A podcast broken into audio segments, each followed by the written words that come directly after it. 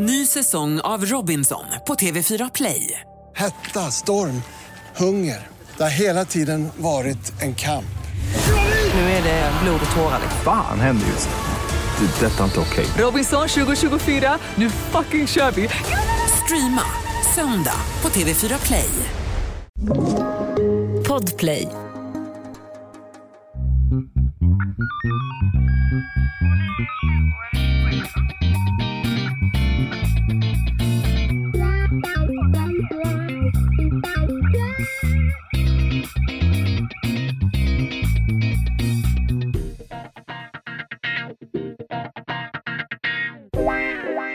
Välkomna till krimpoddarnas krimpodd Över min döda kropp med mig, Anna Jinghede och Lena Ljungdahl. härligt, Torsdag igen. torsdag igen. Krimpoddarnas krimpodd. Berätta Anna, varför kallar vi oss för det? Ja, men det är ju för att det vi ägnar oss åt i podden är ju företrädesvis krim. Och Mm. jag, liksom du, tror jag, har svårt att se att det finns andra som kan konkurrera med den så att säga stuns som man får av kunskap och fortbildning och underhållning i den här podden. Ja, vadå? Ja. Sa jag något fel eller?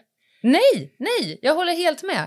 Och eh, vi ska snart gå igenom lite vad vi gjorde i veckan, för vi var på Nyhetsmorgon. Men först vill jag bara säga att det här avsnittet kommer vi ha, eh, prata om och med Expo. Om eh, extremism, om demokratistörtande verksamheter och så vidare. Men åter till, åter till åter. Folkbildning. Vi var på Nyhetsmorgon för ganska exakt en vecka sedan. Det var vi. Det stämmer bra.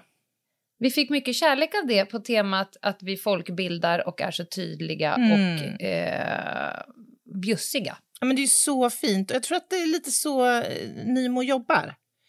Mm. Alltså de vill jobba lite pedagogik. Och Mm. eh, alltså att man ta, vågar prata om sakers natur för vad de är, så att säga. Ja. Ja, och, vi, och eh, de vill ju ha tillbaka oss. Att vi kommer med, med lite kontinuitet. Mm. Ducka in på Nymo och välja olika ämnen varje gång. Förra gången så pratade vi om hur man identifierar döda. Den här gången pratar vi om eh, oro i och kring skolor gällande våld. Så att vi, vi hugger här och där. Ja, vi blandar och ger, såklart. Jag har också gjort en, en spaning i veckan. Eh, Aha. Låt oss prata om förra torsdagen. Du höll ju en intervju med en representant från kriminalvården. Ja, just det. Jeanette. Jeanette, det, vi har fått många eh, mejl om att äntligen så, fick, så pratade vi om en ganska viktig, inte ganska, en jätteviktig aktör inom rättsväsendet. För det, hur man än vänder och vrider på det, det är mycket som landar i knät till slut på kriminalvården Mm. eh, Oh, ja. gällande de rättsvårdande instanserna. Jag har gjort en spaning. Vi har, ju, vi har ju haft representanter från olika delar av rättsväsendet Mm. med i podden tidigare och vi har ju varit i alla dess hörn, nästan. Ja, de flesta på det här Ja, laget. Ja. och, och de vi har missat kommer komma. Men jag har gjort en spaning. Jaha, vad spännande. Det har hört av sig något så jävligt mycket kriminalvårdare Ja. efter kriminalvårdsavsnittet. Sant. Med ett, tacksamhet för att vi lyfte dem och tog upp ämnet. Men två, alla kriminalvårdare hört, som hört av sig har också erbjudit sig att bli intervjuad. alltså, Vad I'm next in the studio. Ja, ja, I'm ja. the one. Hello, it's me. I'm the trouble. Nej, det, är det inte jätte... Jag, jag, jag reflekterar. Är de extremt bjussiga eller vad är grejen? extremt bjussiga eller så upplever de att vi nu har gläntat på locket. Vi sa ju Mm. också att, vi skulle, att det här var del ett. Och de, jag tror att många kanske insåg att men gud, de hann ju bara liksom beröra eh, så här, det yttersta, Ja. yttersta, bara skrapa lite på ytan. De kanske känner sig oroliga där ute att vi så att säga inte kommer Att nämna... vi är klara? Ja, alltså, precis. Ja, men det är liksom första gången en hel yrkeskår hör av sig med att säga jag ska in i studion. Just jag Ja, ja, sitter här på kan din jag nästa kunskap. tillföra massa eh, Ja, göttigt. jag älskar det ändå, bjussigheten. Men jag bara gör en, en kort spaning i fenomenet. Ja, det är ganska unikt, för jag tror inte vi har fått Mm. så många mejl från någon annan myndighet som vi har samverkat Nej. med. Så. Eller belyst. Ja, men det är kul. Det är kul. Vi kommer att återkomma till ämnet. Det kommer vi att göra. Definitivt. Men idag då, Lena? Expo. Ja. Jag tänker bara på världsutställningen i Sevilla som jag var på 1992. Ja. Men jag det är inte det vi dit i ska... veckan. Nej. Vi hade ju ett avsnitt för inte så länge sedan där jag gjorde en eh, sammanfattning, en resumé av en konferens, konferens som jag hade varit på. Just det. CVEs konferens. Och då nämnde ju jag att en av talpunkterna var en representant, Jonathan Lehmann, från stiftelsen Expo Mm. som gjorde en, en överflygning av högerextremism framförallt och rasism, vilket var eh, mitt i prick med tanke på att precis innan honom så hade justitieministern, CVE och Säpo pratat om vad, vad är en av de stora problemen i Sverige idag och då är det våldsbejakande extremism och ofta kopplat till högerextremism. Mm. Så det var ju som en fördjupning i en problembild som eh, eh, myndigheterna redan hade eh, pointat. Mm. Och det var, det var så pass intressant så att jag högg honom i en paus och sa du ska vara med i en podd, Jonathan Lehmann. och det, det, det tackade han ja till. Han tackade ja till det erbjudandet, så att säga. Ja, exakt. Jag, jag, jag jobbade mycket med den raka handen i det fallet. Jag förstår, jag förstår. Men vi pratade med varandra redan eh, förra året. Och en, en kort ingress bara på Expo. Då. Det här är ju en stiftelse grundad 1995 av en person som jag tror att ni, många av er känner till ganska väl. Mm. Stig Larsson, han som har skrivit Millennium-böckerna. Den numera framlidne. Exakt, han dog ju 2004. Och man har på ett, ända sedan dess har man på ett journalistiskt sätt granskat extremhögern, inte hela tiden kopplat till bara här och nu, utan man följer extremhögern över tid. Mm. Det är liksom deras ingång och de är religiöst och parti, partipolitiskt obundna. Ja, men det är ju Eh, viktigt och att de- få fram, tror jag. För... Det är väldigt viktigt Mm. att få fram. Och det är också en av anledningarna till varför de kan vara på konferenser med till exempel eh, Centrum mot våldsbejakande extremism. Men de jobbar ju liksom för en levande demokrati och de vill ju motverka eh, eh, rasism. Mm. Så det är liksom grundbulten och det de sysslar med både omvärldsbevakning, journalistik men också utbildning. Jag var inne och kikade lite på deras hemsida. De har till exempel en utbildning för skolan som heter Att förstå och motverka rasism i skolmiljö. Oj, det låter ju fantastiskt. Ja, eh, och jag träffade Jonathan i vår studio på Podplay och eh, hade ett samtal. Och det kommer efter pausen. Yes! Ny säsong av Robinson på TV4 Play.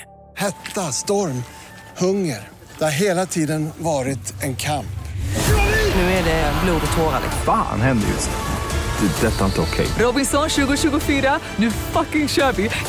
Streama söndag på TV4 Play. Ett poddtips från Podplay.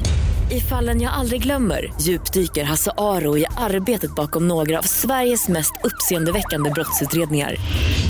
Går vi in med hemlig telefonavlyssning och, och då upplever vi att vi får en total förändring av hans beteende. Vad är det som händer nu? Vem är det som läcker? Och så säger han att jag är kriminell, jag har varit kriminell i hela mitt liv men att mörda ett barn, där går min gräns. Nya säsongen av Fallen jag aldrig glömmer på Podplay. Välkomna tillbaka till krimpoddarnas krimpodd Över min döda kropp. Och jag sitter återigen i Podplays studio. Oliver sitter bakom spakarna och framför mig har vi poddens nya expert på just det här ämnet. Välkommen till podden Jonathan Lehmann, researcher på Expo. Tack så mycket. Det är kul att vara här. Ja, det är väldigt roligt att ha dig här. Du sitter ju här därför att jag lyssnade på dig, det var inte första gången, men vi var på en gemensam eh, konferens eh, där du var en av talarna, där du körde, det var som att, liksom, som att någon hade släppt mig på autobahn, det var drrrt, så, det var så mycket information eh, och så mycket spännande. Och sen så teasade ju vi i podden om det när jag sammanfattade den här konferensen, bland annat där jag då hävdade att MMA-världen eh, har någonting med- högerextremism att göra och också Fredhällstunden. Och det här, alltihopa ska vi få svar idag. Men vi måste börja där vi ska börja. Vem är du? Jag har jobbat på eh, Expo i eh, lite över tio år. Jag eh, tycker om att lägga pussel. Jag tycker Mm. om att få så mycket kunskap som möjligt om någonting och jag har varit väldigt intresserad av rasism, antisemitism, olika typer av extremism egentligen Mm. i ganska många år eh, och hamnat då på ett ställe där jag kan pyssla med det och det är på Expo. Ja. Ehm, och så. Men jag Ja. började som någon sorts liksom, bloggare en gång i tiden på 00-talet och Ja. sådär och sen så liksom ledde det mig vidare. Och vad är Expo? Expo eh, är en tidning, eh, en organisation som kanske framförallt är känd för sin tidning då, som Mm. bildades 1995 och sammanhanget i vilket Expo bildades säger ganska mycket om vad det är för någonting. Alltså det eh, var då kring mitten av 90-talet när innan hade man kanske tänkt att nazism var någonting gammalt, ett- tidigare problem på något sätt. Mm, andra Men, världskriget-problem. Ja, precis, och sen så kanske det fanns lite övervintrade liksom, gubbar och tanter som höll liv i de här traditionerna och sånt där. Men det som hände under senare delen av 80-talet, under 90-talets början var ju att det här nådde en helt ny generation, skinheadkulturen, nazistisk eh, musik, vit maktmusik som spelades på skolor, liksom i uppehållsrum och förintelseförnekandet som kom igång på ett helt annat Villa sätt. Medusa och VAM-perioden. Ja, men Då precis. gick ju jag i skolan. Ja, nej, Ja. Men, så att det här blev som relevant väldigt många. Väldigt många hade frågor om det här. Det var en sätt våldsamheter kopplade till det här, kravaller, ja, mord med Lasermannen där i början av Mm. 90-talet och sånt. Och då var det en, en grupp personer som tyckte att det behövdes en tidning som liksom följde det här, som skrev om det här, inte bara när det har varit något kanske attentat eller en stor demonstration eller ett val, utan som följer det här liksom hela tiden och systematiskt. Och därför Mm. bildades Expo då 95. Så vi har en tidskrift som kommer ut fyra gånger om året. Vi har en nyhetssajt, expo.se. Vi har vår podcast som man kan lyssna på, Studio Expo och vi ger ut rapporter, vi håller föreläsningar och eh, gör olika speciella projekt där vi liksom undersöker olika specifika delar av allt det här Ja. som är kopplat till rasism och extremism. Och det vi gör är helt enkelt att sprida kunskap om det här så att olika delar av samhället bättre kan bemöta hotet som. Folkbildning. Ja, om Ja. frågor som rör organiserad rasism, intolerans, Mm. högerextremism och andra relaterade frågor.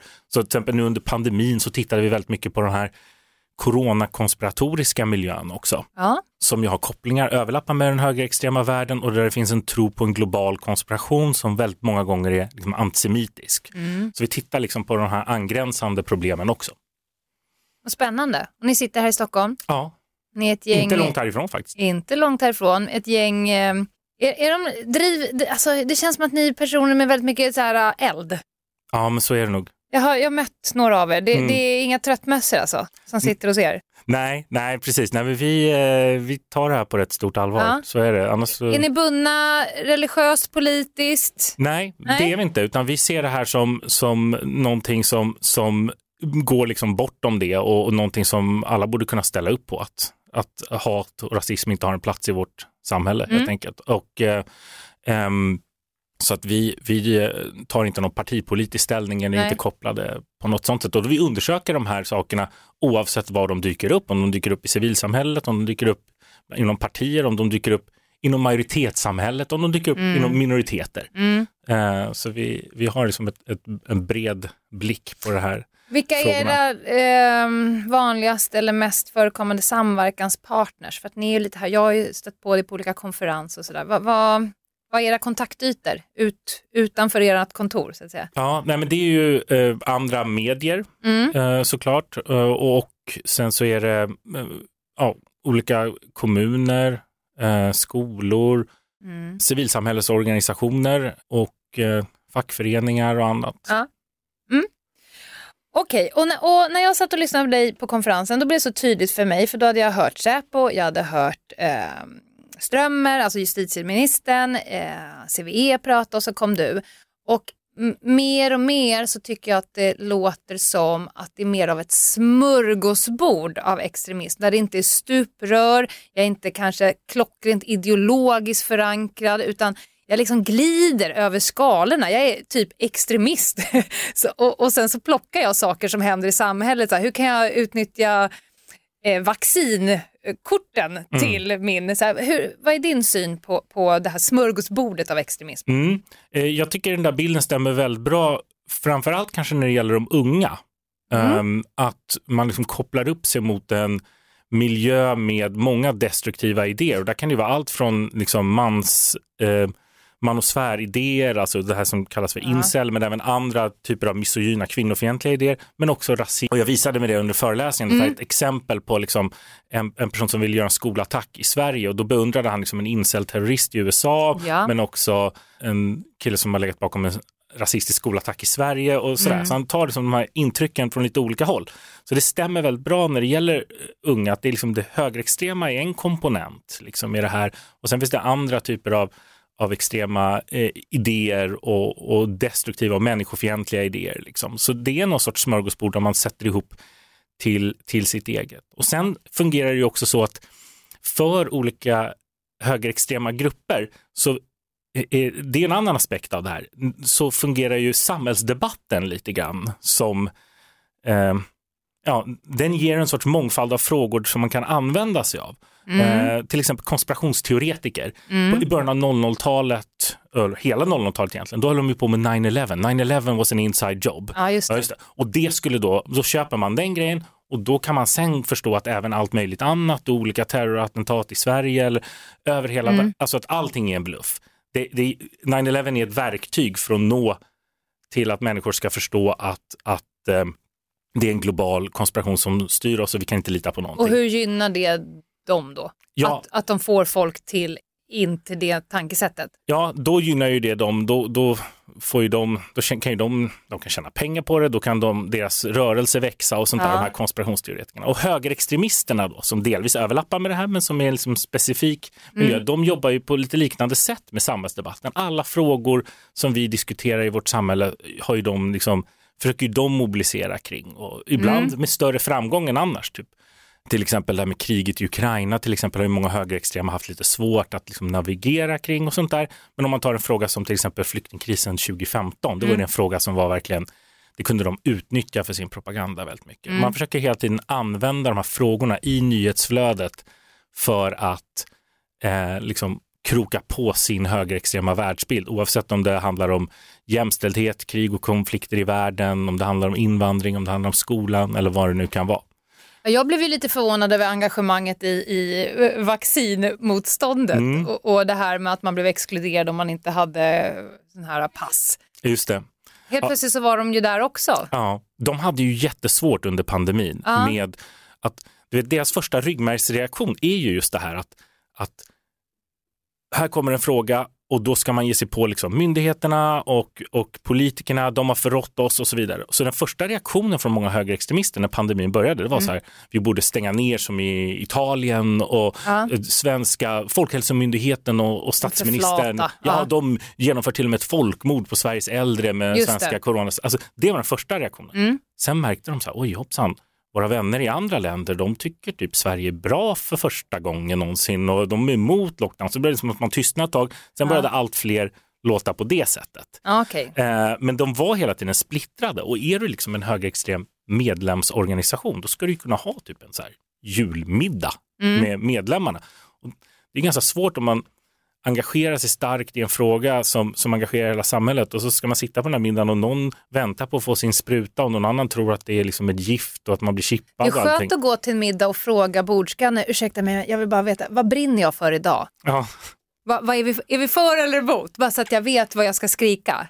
Ja, Du målar upp en sån bild Mm. Ja, nej, men de är ju så väldigt ofta och väldigt ofta flyter de, så är de ju så överens. Men Ja. här var de inte det. Nej, okej. Eh, här var de inte det. Och då blev det att de liksom duckade för den och hoppades att corona skulle gå över. Mm. Och liksom inte ville engagera sig i det här eftersom folk tyckte olika. Då var det viktigast att bara hålla sig lite. stökigt. Men då när vaccinpass kom, då var de så här, ah, det här kan alla gå med på oavsett om man tror att corona vaccinet är, Ja. är gift eller Ja, om man det. har tagit sin spruta. Alla kan, ska gå med, alla, nu ska alla gå med på att, att eh, det här att man behöver vaccinbevis Mm. Staten för att tvingar kunna... oss till någonting Ja, nu. exakt. Det Ja, är, det är vi för- emot. Mm. förtryck. Nej, precis. De här, det, och det är lustigt i sig att liksom antidemokratiska krafter tycker att det är höjden av ofrihet att du måste visa upp ett vaccinbevis i det är din gulligt telefon. nästan. Ja, precis, för att gå på en Ja. konsert eller gå på Ja. restaurang. Alltså det, det är lite gulligt nästan.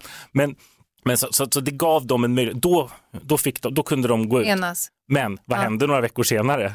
Ja, men sen Ja. så liksom ebbade ju det Ja, här det. ut. Och, så det var ju bara aktuellt en liten tid. Ja. Men det var ju en oerhörd mobilisering då. Då var det ju högerextremister, konspirationsteoretiker Ja. och från allmänheten tillsammans då på Sergels torg. Det var ju Ja, medis. 7000 pers eller Ja. någonting där. Ehm, Och då är det ju människor som kanske i grunden genuint står på ganska olika plattformar men helt plötsligt så enas vi i en sak och det Mm. är att eh, etablissemanget, staten, eh, förtrycker oss. ja, Mm. precis. Ä- Är de, är de organisatoriskt liksom förankrade? Är det organiserat eller är det löst? Om vi liksom tar kontexten till gängen där man förr i världen, det var så lätt med mc-gängen, det fanns liksom en, man kunde nästan se en organisationsskiss och nu eh, får man jobba på helt andra sätt. Hur är det inom den här gruppen? Det, det går liksom lite upp och ner. I olika Mm. perioder har det varit mer hierarkiskt och samlat i organisationer och nu är vi inne i en fas där det är mer nätverksbaserat. Men de här mer hierarkiska organisationerna finns fortfarande kvar, så det är en sån dragkamp eh, mellan de här liksom mer fristående och många av de som liksom försöker leda de här fristående nätverken eller så här, ja, vara någon sorts förgrundsgestalter, för även de har ju sina profiler, de här Mm. fristående grupperna och så, eh, har bakgrund i NMR och liksom lämnat eh, och försöker nu få människor att organisera sig på ett annat sätt. Så det finns en sån, en sån dragkamp i det här, men de klassiska eh, högerextrema liksom medlemsorganisationerna har svårt att nå yngre. Mm. De har svårt att behålla medlemmar också. De är svårt att få mä- människor att bli liksom aktiva. De kan få människor att stödja dem lite på håll, men de har väldigt svårt att få dem att, att bli aktiva på gatan. Och delar av det här är ju de typen av utmaningar som, Jag tänkte säga, det är ingen skillnad mot partierna. nej exakt, det, det är Det är delvis, inga föreningsungar som Nej. finns nu. men man är intresserad av någon sorts så här, sakfråga. Och så, så Ja. de högerextrema försöker ju då på olika sätt förhålla sig till, till det där. Eh, och nu har vi då en sorts lite dragkamp mellan de här klassiska organisationerna och de här eh, ja, lite mer fria nätverken Mm, och så. Frifräsarna. Ja. Mm. Och, och vad är de största, vad, är, vad står vi nu och vad är de största hoten just nu? Vad tänker du så här, vad bör ni rikta fokus till nu? Vad ska resten av samhället rikta fokus med till nu för att vi inte ska hamna i någonting ännu värre? Vad är prioriterat? Ja, nej, men jag tror att det är det här med, med eh, unga och extremism är ju väldigt viktigt. Ja. Om man lyssnar på Säkerhetspolisen så talar ju de om att liksom, ja, men samtidigt som man ser färre personer på gatorna i högerextrema demonstrationer Ja. och sånt där eh, än, än för bara några år sedan så har Säkerhetspolisen liksom fler fall av unga som man hanterar eh, på olika sätt som inte är eh, organiserade på, på ett klassiskt sätt. Och en del av det här är den här som vi har sett tyvärr en trend nu de senaste åren som jag vet att du engagerar dig också, det här med skolattacker där det finns liksom en, där det är en komplex motivbild men där högerextremism ofta finns med då på något sätt. Mm. Så den frågan med ungas radikalisering är ju, är ju oerhört eh, viktig. Men det finns andra eh, frågor också här eh, som jag tycker är viktiga. Ja. Nej, men det handlar också om, om ja, radikalisering av andra generationer, hatet på nätet och ehm, eh, högerextremister och ehm, eh, eh, deras liksom propaganda som jag ser som, alltså i takt med att högerextrema organisationer har misslyckats kanske med att samla människor på gatorna så har de ju lyckats bättre med olika typer av propaganda och dörren öppnas ju för, för högerextremister mer. Eh, där det var liksom för några år sedan så var ju, så var ju till och med liksom Sverigedemokraterna var ju ändå ganska avvisande mot de här högerextrema sajterna och, och liksom sånt och beskrev det som något extremt och något uteslutningsgrundande och sånt där. Nu kommer liksom den här typen av högerextrema propagandaaktörer in i värmen Ja, okej. mycket mer. Normali- liksom Ja. mer extrema tankar normaliseras. Ja. Så det blir ett nytt normalt och sen så är det liksom fara då att vi godkänner eller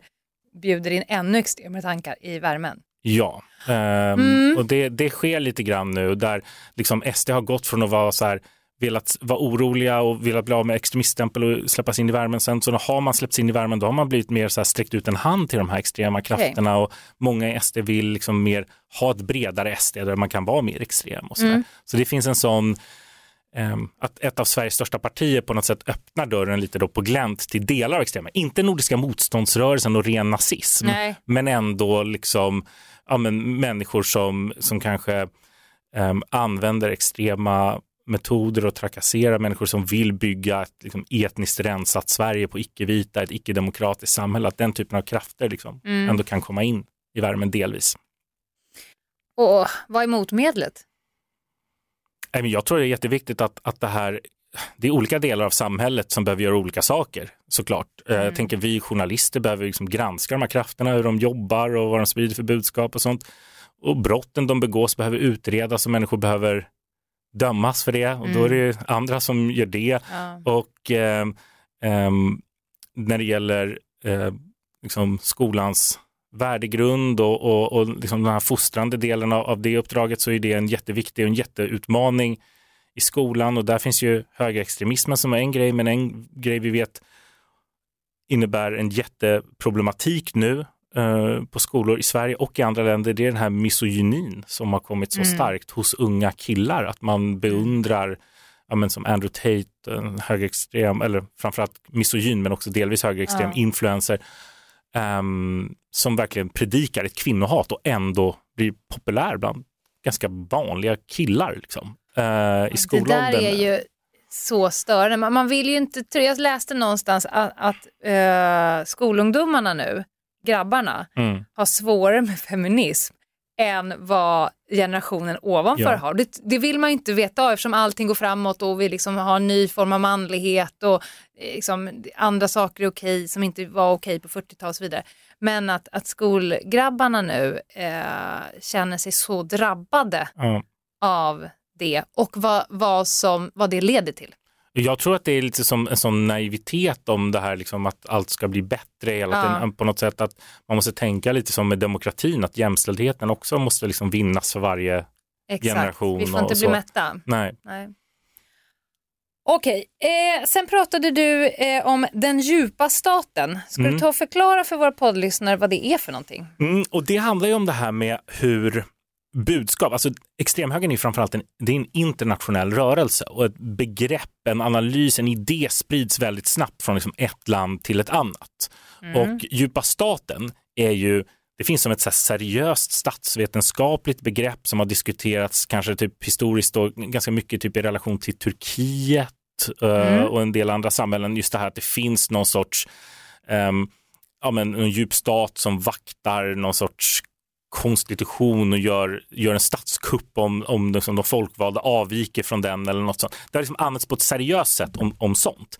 Men sen har vi sett då att det här begreppet fick en väldig fart när Trump valde sig in eh, som president i USA 2016. Och det blev ett sätt då att prata om att eh, trots att han är USAs president så är han fortfarande förtryckt av någonting. Och då, då kan det här populistiska narrativet om, Ja, ja. om, om eliten som styr fortfarande leva vidare även när han är president.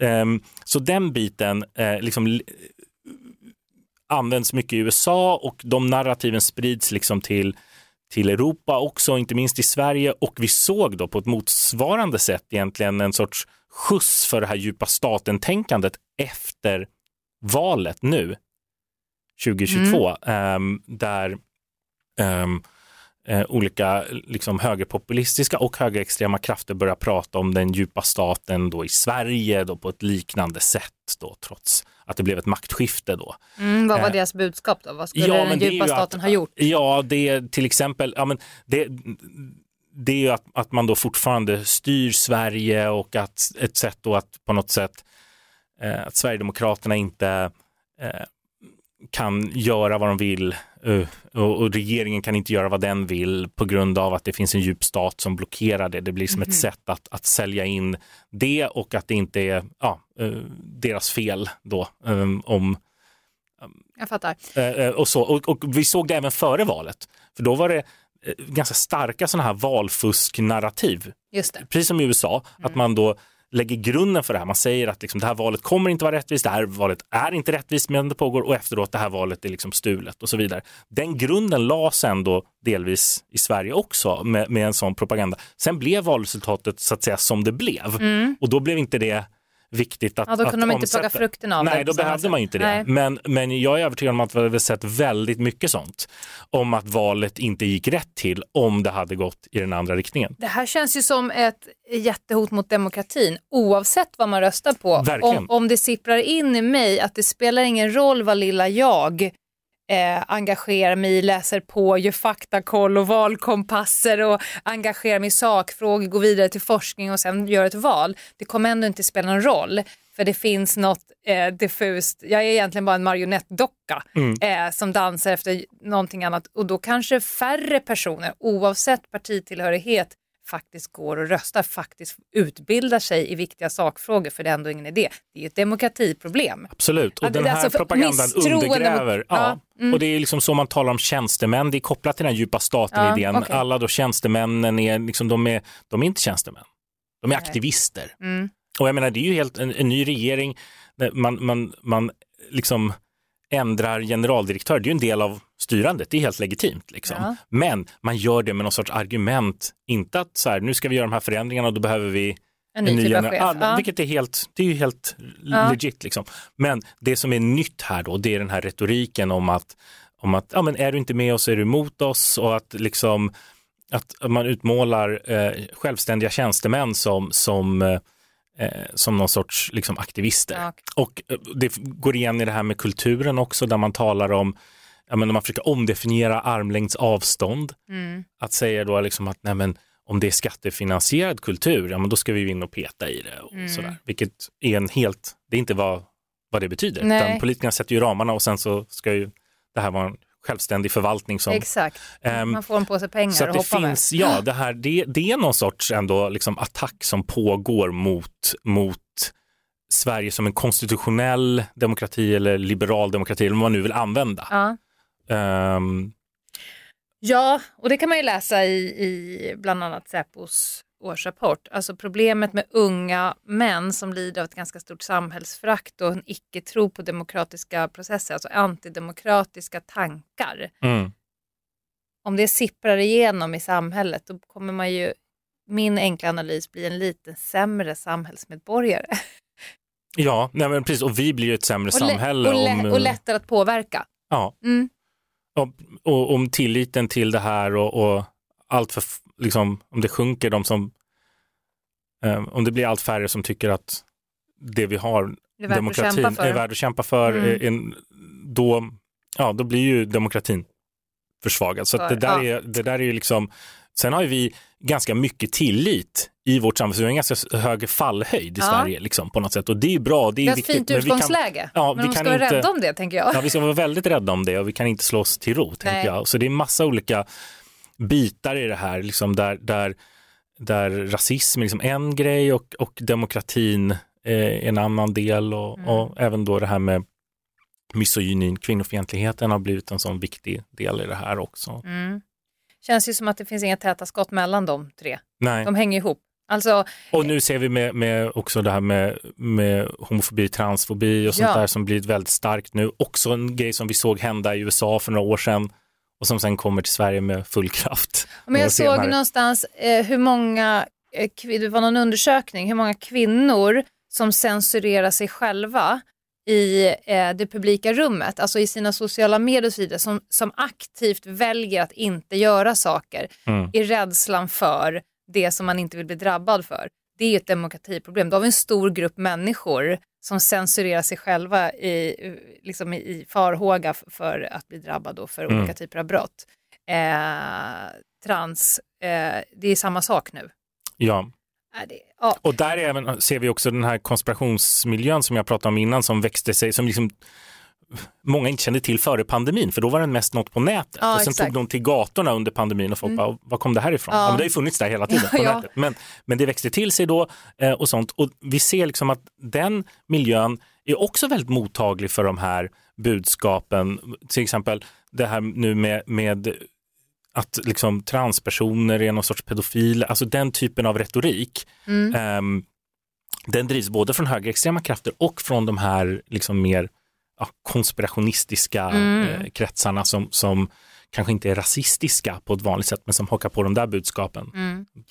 Jag tänkte på det, för vi har ju varit inne på de här ämnena eh, tidigare eftersom vi är då en krimpodd och vi pratar brottslighet och det är ju eh, mest män Mm. eh, inom de flesta brottskategorierna. Vi har ju tidigare varit inne på frågorna och ibland, eh, jag tänker på det här du pratar om normaliseringen, ibland har vi fått lite så här sura mejl att nu tycker jag att er podd har blivit lite för politisk och Mm. ni tar ställning. Och då tittar vi på varandra och säger, fan vi har ju pratat om alla människors rättigheter. När blev mänskliga rättigheter och demokrati kontroversiellt och värderingskänsligt. Det, det, det är liksom det swishar för mitt huvud. Så här. Det är nästan som man går tillbaka och lyssnar. Vad sa jag som var så politiskt? Mm. Att, att, eh, ja, men att kvinnor kanske censurerar sig själv eller att eh, unga grabbar drabbas av det här. Så här.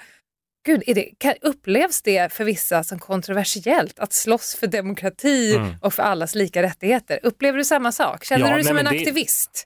Nej, nej, det gör jag inte. Men Nej. jag vet ju att en del försöker få det till det, att Ja. det är aktivism. Eh, och det är ju det som händer nu, att det som, det som eh, förut liksom eh, var någon sorts tvärpolitiskt eller bortom politiken Ja. på något sätt. Att det försöker nu människor få till någonting som ska vara vänster och aktivistiskt. Ja, att man måste Ehm, pressas ner i något fack. Exakt. Eh, Så, och det är en del av den här liksom, eh, ytterhögermobiliseringen i samhället. Liksom, där, Ja. där de krafterna tar mer plats och försöker liksom definiera begreppen och sätta sina stämplar på ditten och datten och, och Mm. liksom, ja, få in sina problembeskrivningar i samhället. Okej, vi kommer till tre lite snabba. Eh, om jag säger Fredhällstunneln, Mm. Det, här, det här kom, jag började nästan fnissa på konferensen. Jag vill, berätta. Ja, men den, det används alltid för uh, olika högerextrema grupper för att göra såna här broaktioner eller banderollaktioner. Alltså det är en fysisk tunnel i Stockholm. Ja, ja. Som, är, som liksom, när man åker Essingeleden eh, runt stan så åker man, man kommer passera Fredhällstunneln när man ska norrut. Ja, men. I alla mina år på Expo nu, det är drygt tiotal år Ja. och det var förmodligen före det den användes också. Men, men då, då liksom, där vecklar man ut banderoller och gör aktioner och då kan liksom någon fota från en annan plats när man gör Ja. det. Så det är väldigt ofta. Och nu på nationaldagen så hade vi en sån här försök att skapa någon sorts nationell paraplyorganisation för fristående aktivistgrupper av, av högerextrema som tränar kampsport, inspir- inspirerad av en amerikansk rörelse. Ja. Ehm, så, så ja, det, det är killar som liksom är födda i början av 00-talet som, som kallar, de kallar för, för aktivklubbar eh, och så försöker de stimulera det här i, runt om i hela landet och de hade då, när de lanserade då Aktiv klubb Sverige, då Ja. var det just genom en sån banderollaktion vid Fredhällstunneln. Varför just den? Vad betyder den för dem? Det är nog någon tradition Har du där. dött någon viktig person där eller? Nej, det, det, jag tror att det är ganska lätt. Det, man, kan liksom, man kan klättra dit och man kan stå där, Ja, man kan ja, veckla ut sin banderoll och så kan någon stå på ett annat ställe och ta en bra bild på det. Så att det är liksom, det är logistiskt praktiskt och så, så har det liksom... ehm, Jag älskar ändå att det är det som till slut avgör det. Ja. Vad får vi den schyssta ja, bilden? Fredhällstunneln är en sån riktig klassiker verkligen för Men- de här. Nu var du inne på, på nummer två redan. Jag har skrivit eh, eh, gymmet i Forshaga. Mm. Alltså du sa någonting om att MMA-världen göder föder högerextremism och, och det sa jag lite så här slarvigt. Och då fick vi som ett brev på posten. Jag har tränat kampsport i hela mitt liv, jag är inte rasist. Nej, men, men, och precis, och det var, Ja. det var kanske lite slarvigt, för, för det, det, det jag menade var att det finns vissa överlappningar. Liksom. De allra Mm. flesta som ägnar sig åt MMA är inte liksom, högerextrema eller så på något sätt.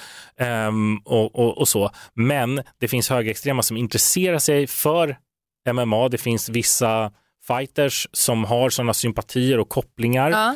Eh, och i andra länder som i, i, i Tyskland till exempel så är den här faktorn faktiskt liksom tydligare. Mm. Eh, men men så, så den här biten finns med, med det och det finns då att högerextremister liksom bjuds in till vissa såna klubbar som Ja, du sa tränar MMA. aktiv, vad sa du? Ja, men så det finns, det är lite, man kan bena ut det här. Ja. Det finns problem inom den vanliga MMA-världen så finns det vissa Ja. högerextrema liksom profiler och där man bjuder in högerextremister och sånt där.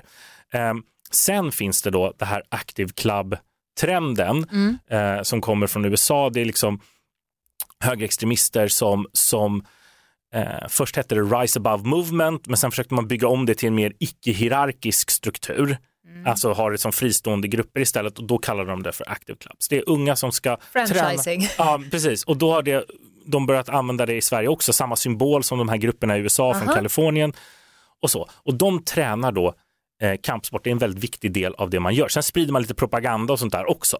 Men det är liksom kampträningen som är en grej. Mm. Är Så det för att våldet är en, en metod i deras... Ja, det handlar både om att locka till sig nya. Det här är som en frustration över att alldeles för många, liksom, en amerikansk, du vet de här högerextrema Trump-anhängarna och sånt där. Det var väldigt mycket fokus på alt-right på nätet och såna här saker. De menade de här som liksom låg bakom Rise Above Movement. Vi måste liksom förändra hur vi uppfattas, vi måste ut på gatan, vi måste bli något mer attraktivt. Så det är ultramaskulinitet Aha. och liksom högerextremism och liksom bygga upp våldskapaciteten, vara ute och slåss också med politiska motståndare.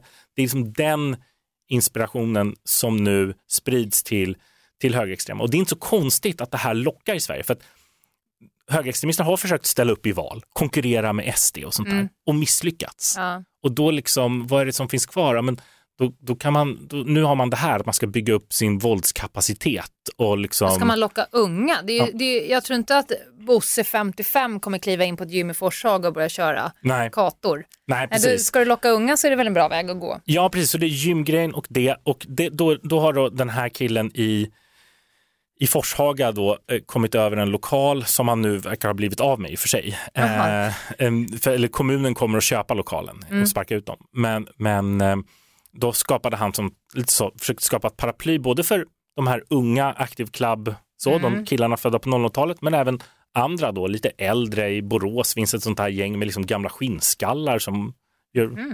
eh, skogsvandringar men som också ja, tränar lite och sådär.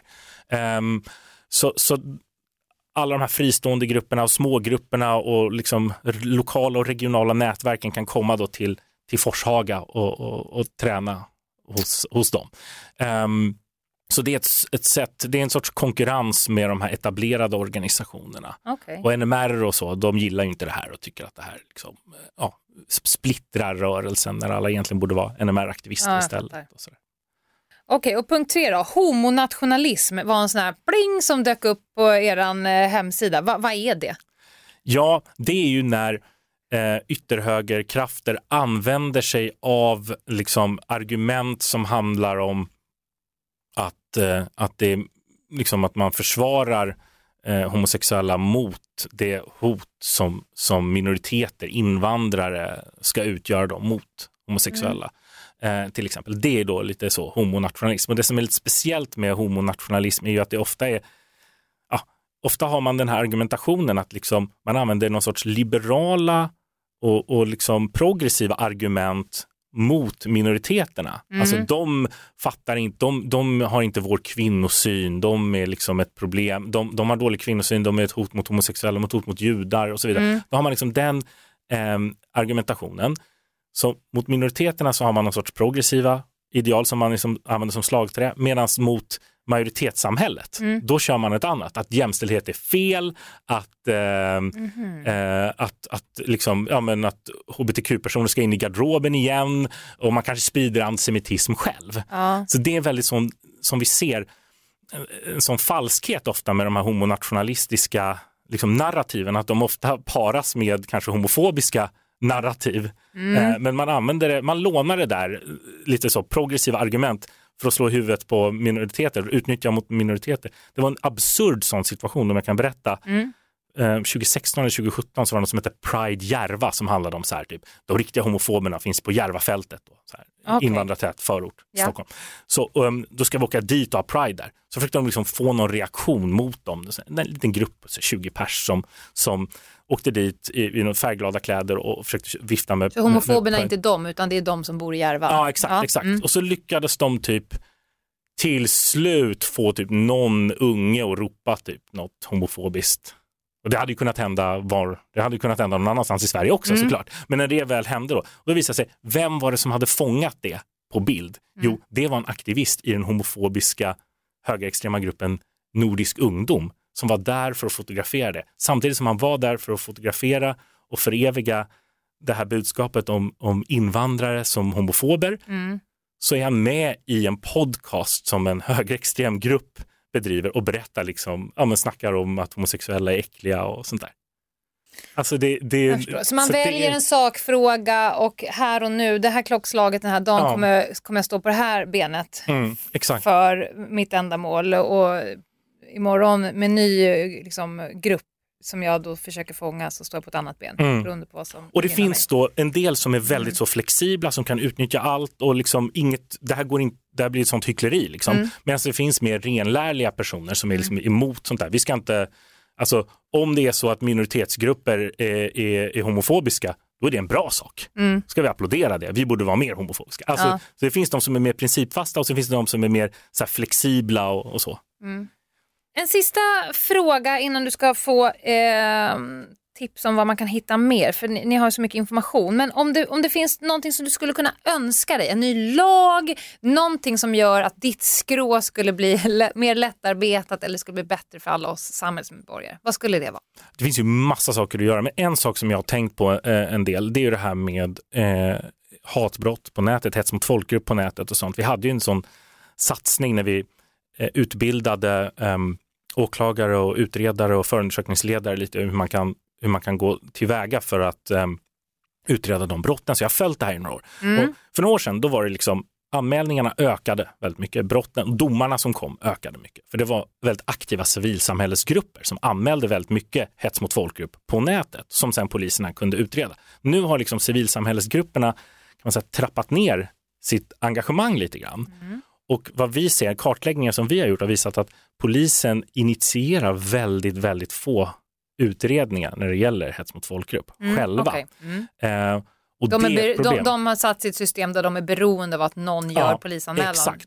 Och då utreder de det. Mm. Ja, de borde göra det här själva. Mhm. De upptäcker den här typen av brott eh, och då borde de se till att rapportera in det så att det här eh, hanteras och det borde, det, alltså polisen borde hantera det där mer själva för det är ett problem att göra sig beroende av civilsamhället för en sån, eh, för en sån funktion. Liksom. Mm. Eh, så att Vad är det kunskapsbrist eller vad tror du att det beror på? Alltså det verkar finnas, det är nog delvis en kunskapsbrist men framförallt så är det någon sorts idé om att, det inte, att man inte ska göra det, att det är liksom ett problem om polisen så. Det är ett liksom, brott, Ja, det är jag. brott och Mm. när man snubblar över brott så ska man anmäla, men man kan också argumentera för att det borde vara lite, alltså i miljöer där det begås brott så borde borde också polisen finnas ju eh, och, eh, och eh, beivra det. För vissa av de här är ju liksom riktiga superspridare. Det är liksom högerextrema nätbutiker som sprider, eh, som begår hets mot folkgrupp varje dag och kan göra det här år ut och år in och liksom komma undan med det på många sätt. Så att det där tror jag är en väldigt viktig grej eh, att börja komma åt och det gynnar också den liksom, strategin som finns. Det här med att man ska reducera antalet aktiva högerextremister genom att ta dem på alla möjliga brott som de begår och liksom Ja, men, och, och Försäkringskassan och Skatteverket, alltså att man helt använder liksom myndigheternas kraft, Samhällsresurser. för, samhällsresurser Mm. för att göra det svårt att vara extremist. Då finns det här brottet, hets mot folkgrupp, Ja. som är en jättebra, det är ganska lätt att En utreda de löst här brotten. hängande frukt, mogen att plockas. Ja, Eh, okej. Det är ett väldigt bekymmer tycker jag att man inte gör det. Och nu då, om man vill hitta mer, du nämnde massa olika saker, podcast och så vidare. Om jag sitter nu och lyssnar och känner så här, jag vill lära mig mer om grupperna eller eh, följa, få liksom nyhetsflash och så vidare. Är det hemsidan? Ja, hemsidan, eh, där finns ju våra nyheter som kommer ut eh, varje vecka, flera nyheter. Och det finns också våra analyser och så. Men det finns också, eh, vår wiki finns där, en symbol, en organisation, ett begrepp förklaras i vår Ja. wiki. Så det kan jag rekommendera. Sen, lyssna på vår podd, Studio Expo. Mm. Eh, den är jättebra. Ehm, eh, och sen också prenumerera på tidningen. För där finns texterna som kanske tar lite mer tid att skriva och lite mer tid att läsa. Lite fördjupade. Ja, Mm. exakt. Och Man kan se de här långa linjerna och se liksom, vad kommer den här idén från som de sprider nu. Jag har ju pratat om lite sånt här nu, olika narrativ som kommer från andra länder och sen hamnar i Sverige. Den typen av perspektiv får man väldigt bra i tidskriften, så den ska man Mm. bara prenumerera på. Tack snälla Jonathan för att du kom och spred information om Expo och eh, det viktiga arbete som ni gör. Tack så mycket. Tack. Ny säsong av Robinson på TV4 Play. Hetta, storm, hunger. Det har hela tiden varit en kamp. Nu är det blod och tårar. Fan händer just nu. Det. är Detta är inte okej. Robinson 2024, nu fucking kör vi! Streama söndag på TV4 Play. Ett poddtips från Podplay. I fallen jag aldrig glömmer djupdyker Hasse Aro i arbetet bakom några av Sveriges mest uppseendeväckande brottsutredningar. Går vi in med hemlig telefonavlyssning och, och då upplever vi att vi får en total förändring av hans beteende. Vad är det som händer nu? Vem är det som läcker? Och så säger han att jag är kriminell, jag har varit kriminell i hela mitt liv men att mörda ett barn, där går min gräns. Nya säsongen av Fallen jag aldrig glömmer på Podplay. Välkomna tillbaka då till vår studio. Eller ja, jag sitter i mitt kontor och du sitter i din studio i Örebro. Men det är så vi jobbar. Det är så vi jobbar. Fasen mm. vad, vad intressant den här intervjun var tycker jag. Otroligt ja, intressant. Här pratar vi om en person som brinner för sitt jobb. Ja, det kan man säga. man kanske behöver göra om man ska orka med det där eh, över tid. Ja, eh, jag får intryck av att de här som, som har en eh, extrem läggning är eh, genomgående ganska vilsna själar. Mm. Ja, och ja, exakt. Och, och tycker jag lite läskigt att det kanske inte alltid är så ideologiskt eh, bundet för då blir man ju också lättare att läsa. Utan här plockar man av olika samhällsfenomen och saker som händer och tänker hur ska vi kunna utnyttja skiten ur ja. allt från coronapandemi till eh, att det pågår ett val eller vad det nu är. Och, och, sen så bestämmer man sig bara i grupp, är vi för eller emot? Och sen går vi ut och i princip använder våld för att för våra syften. Det är en synnerligen eh, intressant omvänd eh, föreningstanke. Ja, ja exakt. man säga ändå. Exakt. nu är vi ett gäng folk här som vill, som ja. vill aktivera oss och engagera oss i en sakfråga. Vad har vi? Ja, ja exakt. Och framförallt är för eller emot. Ja, kan precis. de berätta det för mig? ja, ja nej, spännande ändå, mm. tycker jag. Och jag vet, Anna, att du har en jätte, jätteviktig lista som pockar på uppmärksamhet i ditt bröst. Den brinner, det brinner i bröstet. Jag fick in din Danny där ja, nu. Danny. Ja, men det, det, har jag ju. Men jag tänker att våra lyssnare kanske vill höra vad vi har för mejladress först.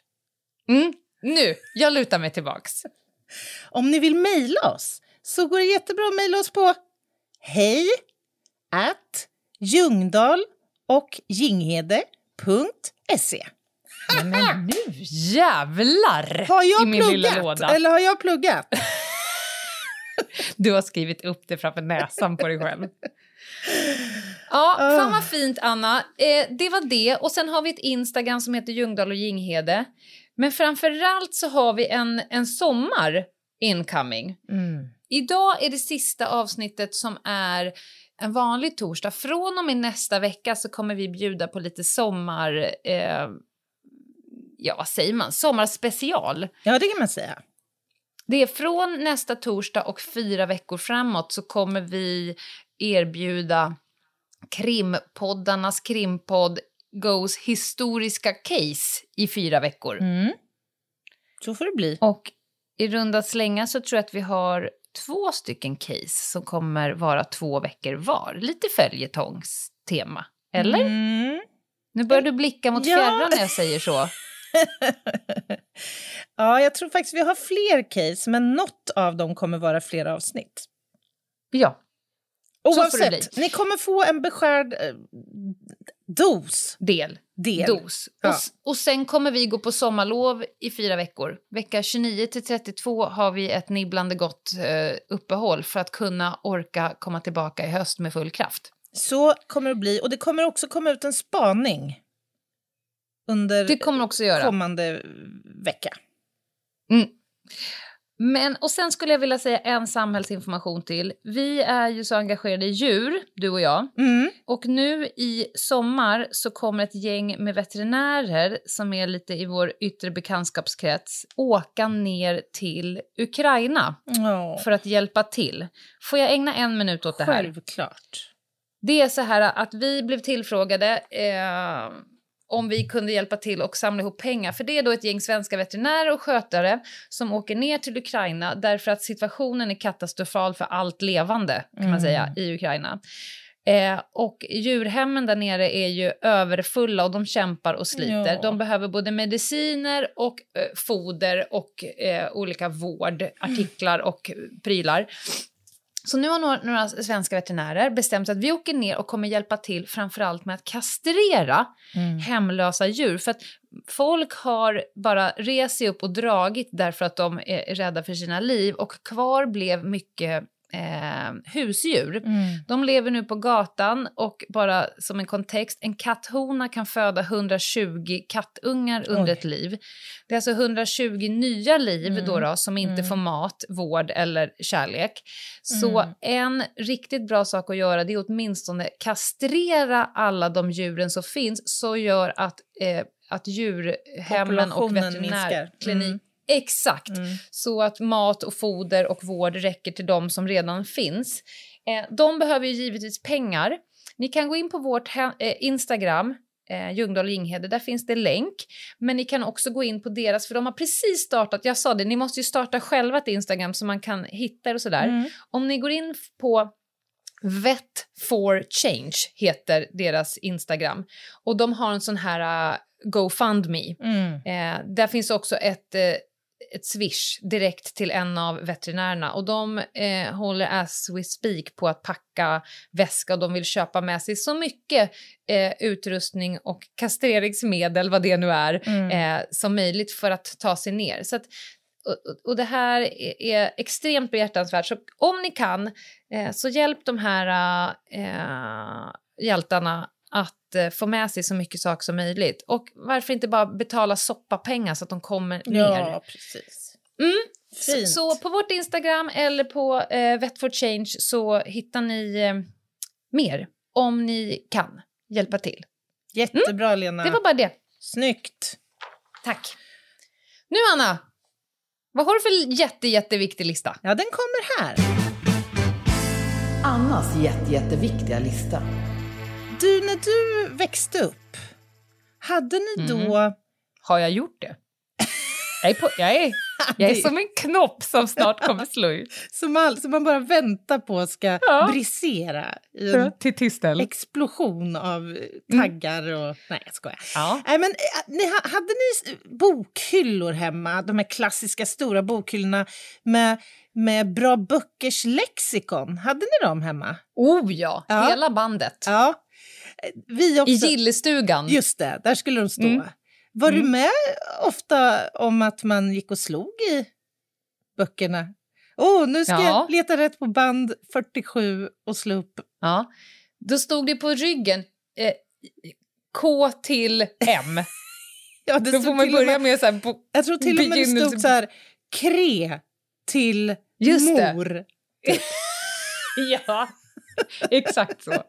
Ja. Ja, alltså de har ju, de, de lever ju inte kvar riktigt, de här böckerna. synd. Det är synd, men det har ju också en rimlig förklaring. Alltså, Mm. om du ska sammanhålla kunskap eh, så är det knepigt eftersom den som ny kunskap vinns och, och det som var aktuellt igår kanske inte gäller imorgon och sådär. Och sen den digitala eran då klev in i tillvaron så har vi ju fått viss hjälp med detta. Och jag Mm, tänker då mhm. på Wikipedia. Mm, Den fria, så att säga, den fria uppslagsboken. Ja. Där alla får bidra med, med kunskap. Ja, ja, det är ju just det. Just det. Ja. Mm. Och, och Alla kanske inte borde göra det. så, är det dit vi är på det är väg? dit vi är på väg. Fan så vad fint. Ja. Eh, och, och det jag tycker också är väldigt intressant med detta det är ju att det som människor då väljer att skriva en wikisida om det måste man ju ändå utgå från eh, ett ett superhett tema för just den här personen. Alltså Det Mm. här är kunskap som människor bör ha Ja, och det få tillgång ut. till. Det här måste ut. Ja. Så jag, jag börjar idag, då blir det bonus idag. Jag börjar på nummer sex idag. Oj, härligt. Eh, och, och tänkte prata lite grann om Barbie. Mhm. Det finns nämligen en sida på Wikipedia som heter Barbies Careers.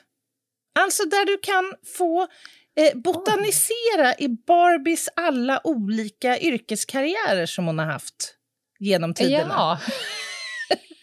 Och det är alltså över 200. ja. Jag, jag tycker det är otroligt. Och det här är då alla de inriktningar hon har haft sedan 1959 när då eh, Barbie föddes, så att säga. Så där Ja. kan man få en hel lång lista och man kan, eh, finns bild, det finns allt möjligt. Barbies careers. Kan, kan, kan du ge något exempel? Vad har hon jobbat ja, hon har med? varit flygvärdinna, hon Ja, har varit jo, det- det- djurskötare, Aha. eh, semestermode, Ja, det är ju inte en karriär kanske, men den, den ingår där på listan i alla fall. Vet Ja. Jag. Ja. Så att du har allt där. Och jag var tvungen att gå in nu, Anna. Ja, Spaghetti Chef just det. 2017. det är ändå. Den är ju hård. Verkligen. Ja. Verkligen. Kul! Eh, plats nummer fem. Nu ska vi in på eh, Wikipedia-sidan Toilet Paper Orientation. Det finns alltså en, en eh, wikisida som belyser detta med hur pappersrullen ska monteras på en hållare. Om så att säga delen du drar i ska vara Aha. närmast väggen Flärp fram eller bak. eller om den ska vara framåt. Exakt. Alltså folk blir så otroligt engagerade i frågan. där man gärna vill tillskriva motståndarlaget som psykopater för att man har flärp bak. Jag tycker det är helt otroligt. Och, och inte nog med att man väldigt fint, tycker jag, illustrerar hur det kan se ut i lite olika typer av eh, så att säga, toalettsetups. Mhm. Så får, så får man också ta del av olika undersökningar som har gjorts då, där man har tillfrågat människor om Ah, vad de Som en liten föredrar. gallup. Som Okej. ändå- Men är det ett viktigt ämne nog För för, någon. en Wikipedia? Ja. För någon är det ju det, uppenbarligen. ja. Ja, jag tycker det är roligt. Jag skulle mer vilja se en Wikipedia-sida om människor som tycker att det är viktigt med att ha Wikipedia om toarullar. Just det, Den om, om vill jag- människorna, ja. Är människorna som gör toalettrulls Wikipedia, den hade jag läst med lupp kan jag tala om för dig. Det är ju en briljant idé, Ja, faktiskt. ja jag har något här. Jag säger upp mig på dirr. Ja, det finns utrymme att skriva ett sånt. Knock yourself Ja. out, Ljungdahl. Absolut. Plats nummer fyra. Nu ska vi prata lite om Microsoft versus Microsoft. Okej. Det här är alltså en, en rättsprocess som, som eh, ägde rum i Kanada någon gång. Ja. Jag tror det var i början på 2000-talet. Nu ska vi se. 2003 tror jag, om jag eh, läser rätt här. Då var det alltså så att Mike Rowe, han la vantarna på en dom, ett domännamn på internet som han döpte till Mike Rowe Soft. Och Såklart han gjorde. Ja. microsoft.com. Och det här gillades ju inte av Microsoft naturligtvis. Va? Och samtidigt så, hur den är, så, så är det ju två vitt skilda namn.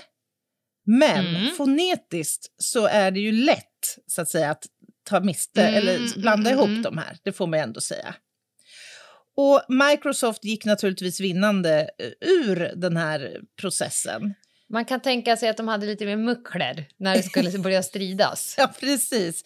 Och de hjälpte till att eh, redirecta trafiken från den gamla domänen till microforums.com. Så han fick en ny domän, all, lite skadestånd och lite plåster på såren.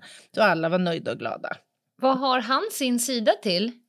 Jag vet faktiskt inte vad han är För jag- into.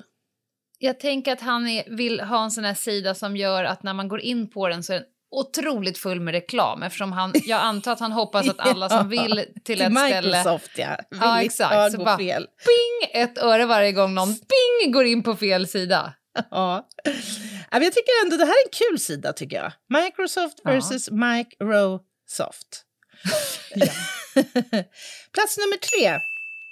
Nu ska vi prata om Buffalo, Buffalo, Buffalo, Buffalo, Buffalo, Buffalo, Buffalo, Buffalo. Fått en hjärnblödning.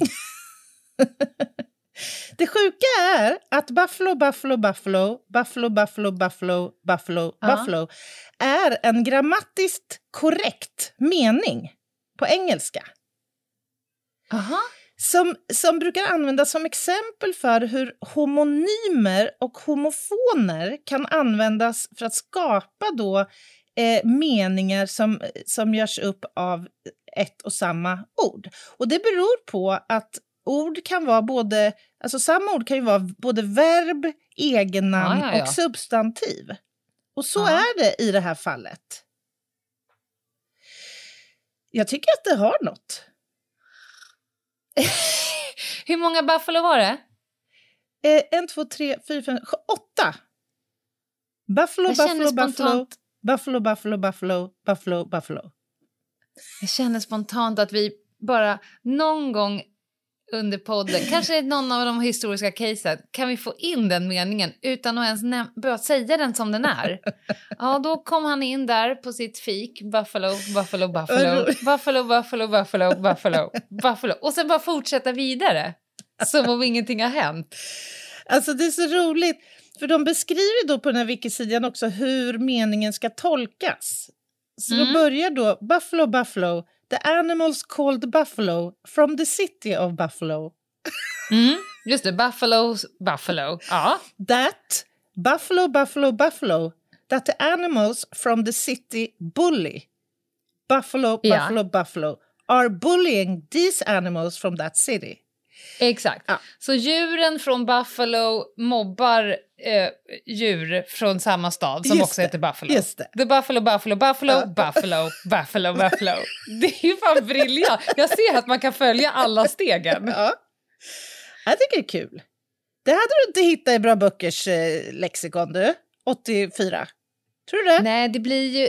Nej, då blir det ju lite utifrån det du sa, då blir det ju BUF till BUF i den boken. Just bara. Ja. Ja. Eh, De har också illustrerat det här med diagram där de ringar in Buffalo i Buffalo. Fy fan vad starkt. Det här älskar jag. Den här kommer jag inte släppa. Nej. Den här kommer jag behöva gå på djupet med. Ja, den är kul. mig- Den är kul. Ja. Plats nummer två, eh, det är lite, lite på samma tema. Det, vi, vi, det är knasigt, ett knasigt jättelångt ord som jag ska försöka nu ta i min mun. Och det här Mm. tror jag i och för sig att du kan ha hittat i Bra Böckers eh, lexikon. För att det här, det vi pratar om nu är eh, någonting som stammar från Aristofanes. 30, Mhm. 391 före Kristus. Med jättelänge Eh, och vi pratar nu om det längsta grekiska ordet. Som är 171 bokstäver långt. Ska, Just du... grekiska ord är också ganska kluriga. Alltså, efter tzatziki då är man körd. Det når dit men inte längre. Sen är det bara pop och lopp och lopp och lopp loss Ungefär på så. slutet. Ja, låt höra. Lopadotemachose lacogalle cranio leipsandro drimhypo trimatosil fiocarabo katake ecumeno kiklepikosypo pato peristarale elektrionoptekefalio kiklope... Nej, Jag ger upp, alltså det går, du fattar ju själv, det går ju inte. Jag älskar att det också lät som en blandning. Du lät som en finsk professor som läser en molekylär uppsättning. Det var det, var det jag fick ut av det hela.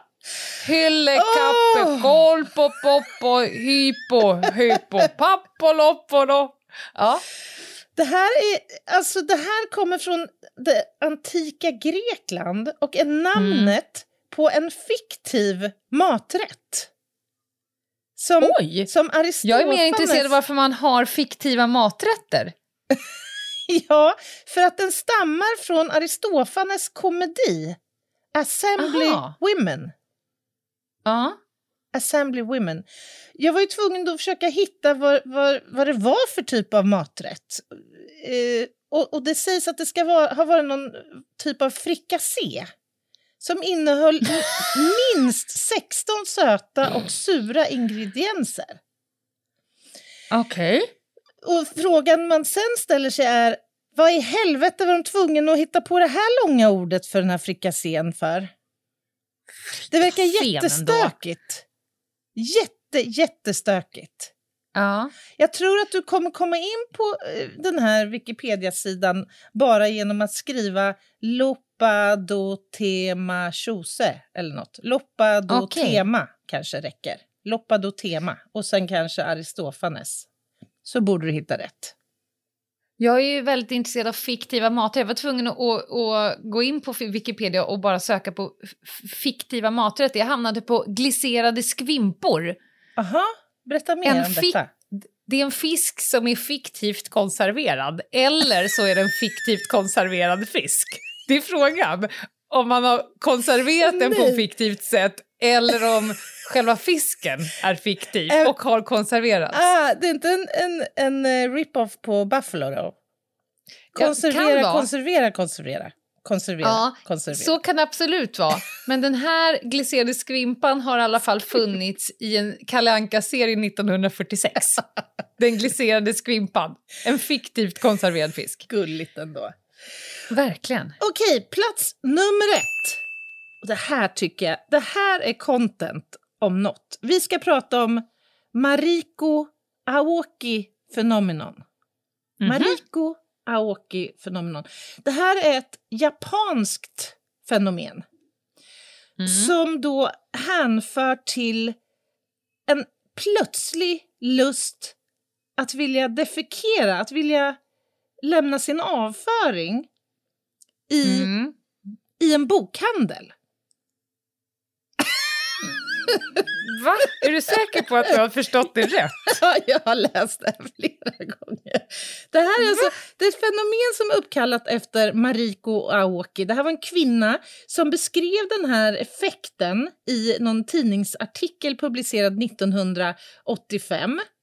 Men Och det handlar var hon då- liksom gudfadern av, eller hade hon bara IBS? Det kan ju vara en sån grej också. Alltså man föreslår olika orsaker till varför Ah, okej. detta eventuellt sker. Vad det är som triggar då eh, lusten att eh, lägga en hög inne i, i, i bokhandeln. Just en bokhandel också. Ja, det är precis. smalt. Det är otroligt smalt. Men, men hypoteserna då? De är ändå lite intressanta. Teorier som har publicerats eh, bakom fenomenet föreslår att det antingen skulle kunna handla om lukten av eh, papper eller bläck som kan ha en laxerande effekt. Fan vad dumt. Fan vad dumt. men men de, de beskriver i Wiki-artikeln att för, de här förklaringsmodellerna eh, har inte riktigt vunnit stöd.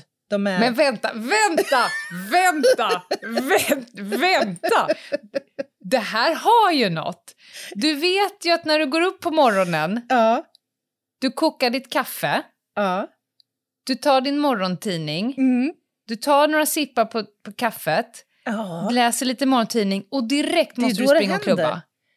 Det kanske Just inte, det. och vi har ju många år nu trott att det kanske är kaffet som drar, men det är morgontidningen som är- egentligen är boven till det att du bajsar på dig medan du äter frukost. Det är ju det är trycksvärtans doft. Förstår du? Vi skulle ju behöva ha en blindgrupp. De som bara dricker kaffe och de som som- bara läser tidningen. Ja, Och sen mäter man liksom fekalieutträngandets hastighet. just det. Och då borde man ju också göra det här vid olika tidpunkter. Alla rusar ju inte till bokhandeln på morgonen heller. Så det Nej, kan ju men morgontidningen har du ju. Ja, Mm. ja sant. Ah, förlåt. en annan, en annan ehm, teori det är att det skulle ligga psykologiska mekanismer bakom detta. Mm. Eh, alltså att den nervösa liksom, anspänningen skulle öka när du kliver in i en bokhandel och exponeras för, för all information som finns här på bokhyllor. Oj, den är ju spännande. Att det skulle få någon slags imposter syndrome eller någonting när du står där och Så gud, blir det baksug Ja, i kloaken av detta. Det är ju spännande. Mariko Aoki phenomenon. Ja, det Men det här lite... tycker jag vi... där Det här finns det, jag väcker så mycket tankar. Så om nå- den teorin, om någon berättar väldigt mycket ingående, jag kanske sitter på en föreläsning, får jättemycket information, Ja, ja, just det. ja, då händer det. Då, då kan det hända, ja. Precis. Om dessutom någon jävel sitter med en dagstidning bredvid.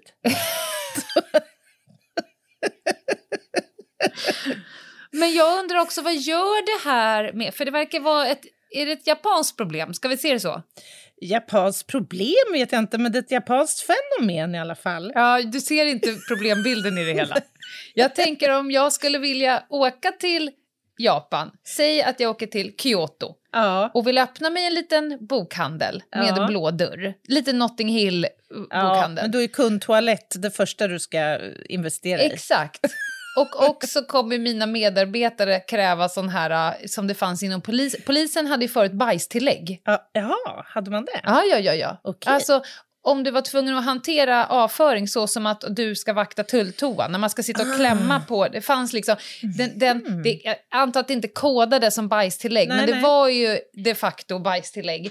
Kanske, eh, det finns ju inte längre, det har man ju förhandlat bort samtidigt som man förhandlar bort liksom, lön och semester. Ja. Men, men eh, jag tänker att man då i den här bokhandeln behöver skriva in i sina villkor bajstillägg. Just alltså, du du just kan det. ett par gånger kan- om dagen ja, behöva Du kan sopa komma upp en liten hög. Ja, du kan komma att exponeras så att säga, för kunders avföring här inne. Åh, fy fan vad sjukt. Ja, det var listan. Kul, Anna. Det var Tackar. roligt. Nu, nu måste vi springa vidare i livet, båda två. Det måste vi göra, definitivt. Mm. Och ni där ute tar hand om er. Och njuter av den underbara svenska sommaren, sommarlov och hängmattehäng. Och så hörs vi nästa torsdag med ett historiskt case. Så får det bli. Ha det gött. Er, bye bye bye! Bye, bye.